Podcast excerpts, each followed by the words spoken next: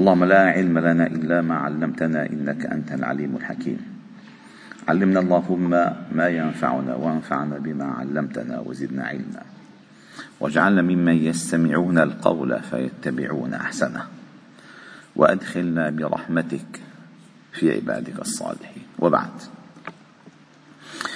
فلا نزال معكم أيها الأحباب الكرام في مجالس القرآن ضمن دروس قرآن الفجر وقد وصلنا إلى قوله تعالى في سورة البقرة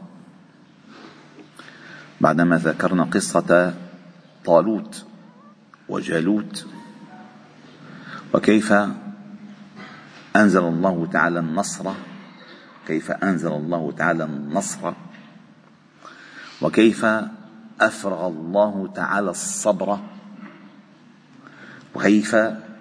ثبت الله تعالى الأقدام. وربط, وربط على القلوب. وكيف؟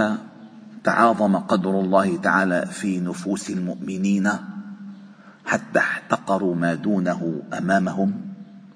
وهذه أهم قضية كما ذكرت لكم.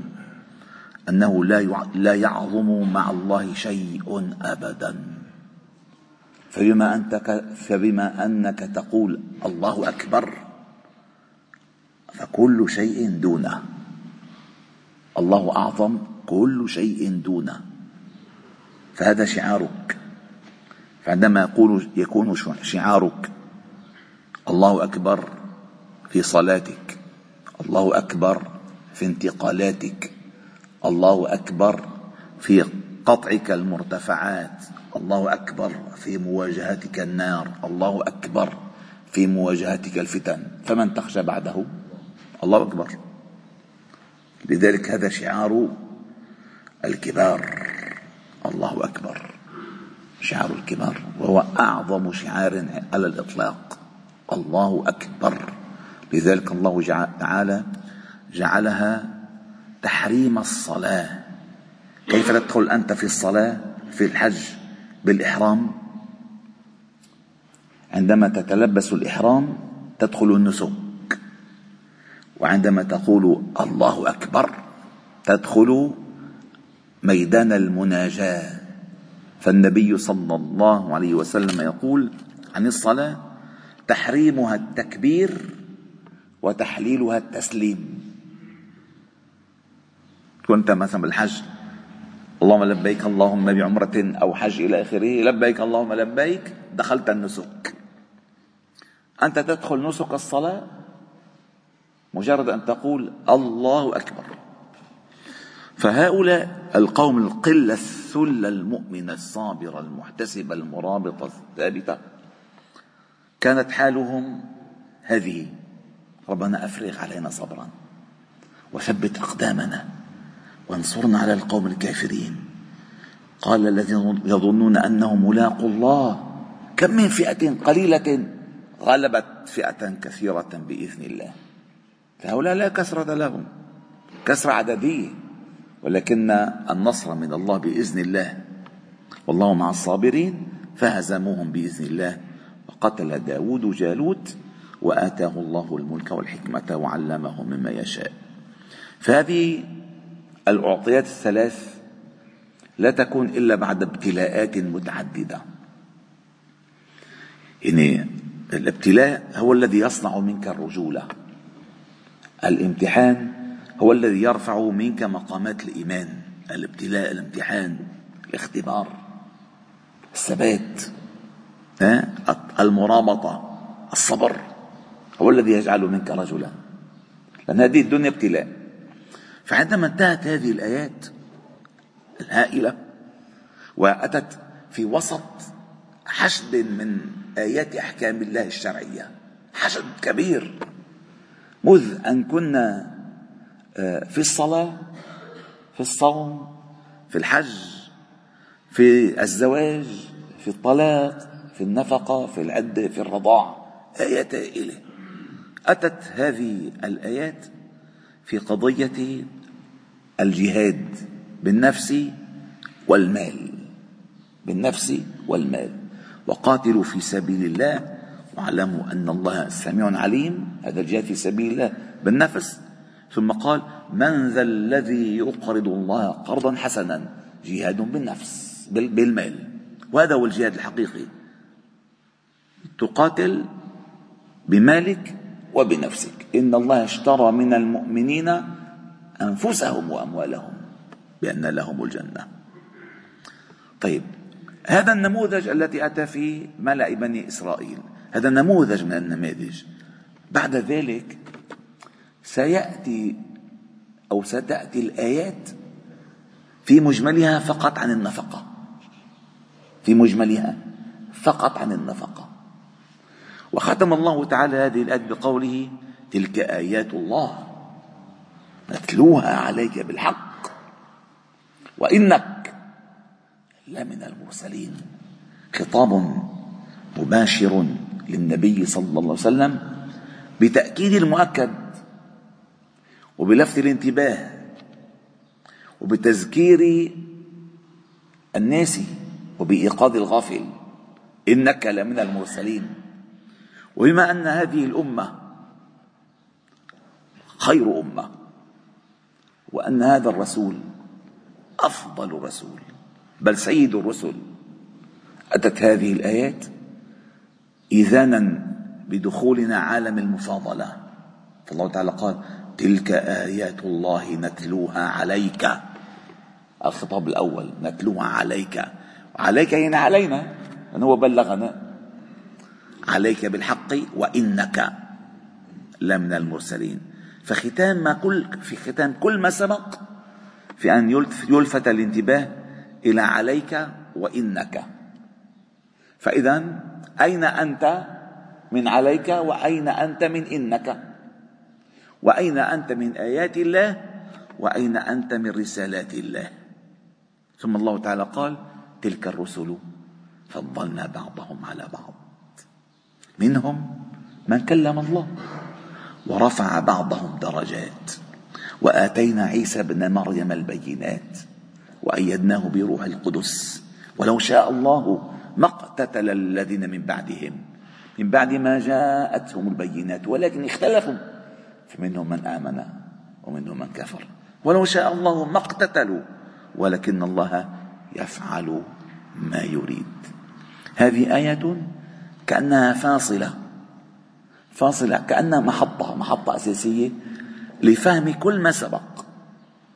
لأن كل ما سبق كل ما سبق من ذكر قصص بني إسرائيل وإشارات إلى عيسى عليه السلام ابن مريم وقالت اليهود ليست النصارى على شيء وقالت النصارى ليست على شيء وهم يتلون الكتاب. كان الناس أمة واحدة فبعث الله النبيين أي اختلافهم. هذه الآية فاصلة أساسية. ولكن عندما الله تعالى يبدأ بها بتلك الرسل اي هو تعظيم لشأن الرسل. وحض وحض وتنبيه على اتباع نهج الرسل. والله جل جلاله هو الذي يفاضل هو الذي يفاضل أنت لا تفاضل. الإيمان إيمان واحد بكل الرسل. ولكن الله تعالى رفع بعضهم درجات. وجمهور أهل التفسير أن بعضهم هنا هو نبينا محمد صلى الله عليه وسلم. ورفع بعضهم درجات أي هو النبي صلى الله عليه وسلم. وفي الحديث الصحيح أن النبي صلى الله عليه وسلم قال أنا سيد ولد آدم يوم القيامة ولا فخر. هلا قال ولا فخر تواضعا؟ هو تواضعا. أنا سيد ولد آدم. يوم القيامة ولا فخر. الله أكبر. ولد آدم هلا أنا بالدنيا مثلا رأينا مثلا أن كان في جزيرة العرب. وحوله وحوله أقوام وقومه والقبائل. بس ما ما احتك بالمباشر مع الأمم الثانية والغي والأخرى وفارس والروم. أما أن يأتي يوم القيامة يأتي يوم القيامة. هو السيد على كل ولد آدم وهو آخر أنبياء ولد آدم. يا الله فضل. ورفع بعضهم درجات. أنا سيد ولد آدم يوم القيامة ولا فخر. وبيدي لواء الحمد ولا فخر. شو لواء؟ تصور أنت الناس في عرصات يوم القيامة. كل منهم في همه وغمه وكربه. والنبي صلى الله عليه وسلم هو السيد لهذا الموقف ويرفع لواء الحمد ولا فخر. وما من نبي يومئذ آدم فمن سواه إلا تحت لوائي الله أكبر. ورفع بعضهم درجات. وما من نبي يومئذ من آدم. فما فمن سواه إلا تحت لوائي وأنا أول من تنشق عنه الأرض ولا فخر. الله أكبر. وأنا أول من يدخل الجنة يوم القيامة ولا فخر. فإذا كأن كأنك عندما سرت في عالم سورة البقرة تشكلت عندك مخزون من المعلومات عن الأمم السابقة. وصلت فأتى التذكير تلك الرسل. فضلنا بعضهم على بعض ورفع بعضهم درجات. إذا أنت الآن أنت المقصود. أنت الآن أنت المقصود. فحافظ على هذا الفضل. هو سماكم مسلمين قبل وفي هذا ليكون الرسول شهيدا عليكم وتكونوا شهداء على الناس. وفي حديث طويل هام. يعني نملأ الأوقات بالذكر وهذا ذكر أفضل من أن نملأه بشيء آخر. حديث لن نقف عند تفسيراته لأنه مدرسة كاملة ولكن سأذكره لكم سردا. قال عن أبي هريرة رضي الله تعالى عنه أن رسول الله صلى الله عليه وسلم قال أنا سيد الناس يوم القيامة. أنا سيد الناس يوم القيامة. وهل تدرون مما ذلك؟ وهل تدرون مما ذلك؟ يجمع الله الناس الأولين والآخرين في صعيد واحد. يسمعهم الداعي وينفذهم البصر وتدنو الشمس فيبلغ الناس من الغم والكرب ما لا يطيقون ولا يحتملون. فيقول الناس ألا ترون ما قد بلغكم؟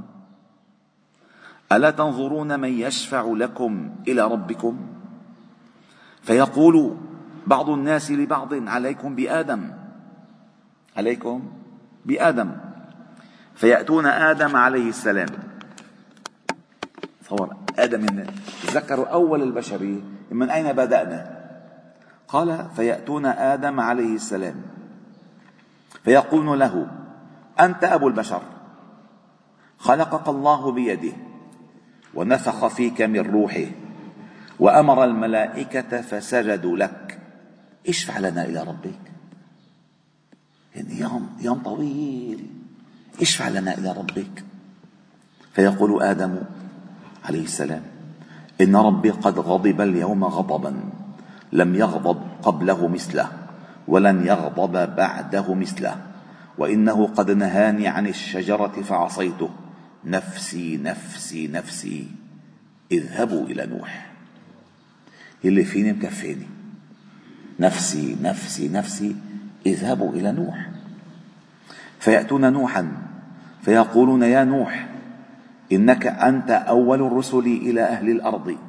وقد سماك الله عبدا شكورا. اشفع لنا إلى ربك. فيقول إنه قد كانت لي دعوة دعوتها على قومي. ربي لا تذر على الأرض من كيف ديارة دع خلصت. نفسي نفسي نفسي. اذهبوا إلى إبراهيم. هل أنتم عم تسمعوا الحديث؟ بتتصوروا المشهد. إذا ما تنتبهوا على الكلمات تصوروا المشهد الخلق الخلق. كله في صعيد واحد. الخلق الخلق كلهم في هم واحد لكشف كربة واحدة. ولكن من من؟ إلى من يذهبون؟ يذهبون إلى آدم. ما دخلني نوح نفسي نفسي. قال نوح اذهبوا إلى إبراهيم. فيأتون إبراهيم عليه السلام فيقولون يا إبراهيم أنت نبي الله وخليله من أهل الأرض. اشفع لنا إلى ربك. فيقول لهم إني قد كنت كذبت ثلاث كذب كذبات. نفسي نفسي نفسي. اذهبوا إلى موسى. فيأتون إلى موسى فيقولون يا موسى أنت رسول الله. فضلك الله برسالاته وبكلامه على الناس. اشفع لنا إلى ربك. فيقول إني قد قتلت نفسا لم أومر بقتلها. نفسي نفسي نفسي. اذهبوا إلى عيسى. تصور أنه اللي سواء اجى وفد كبير أو أجوا كلهم.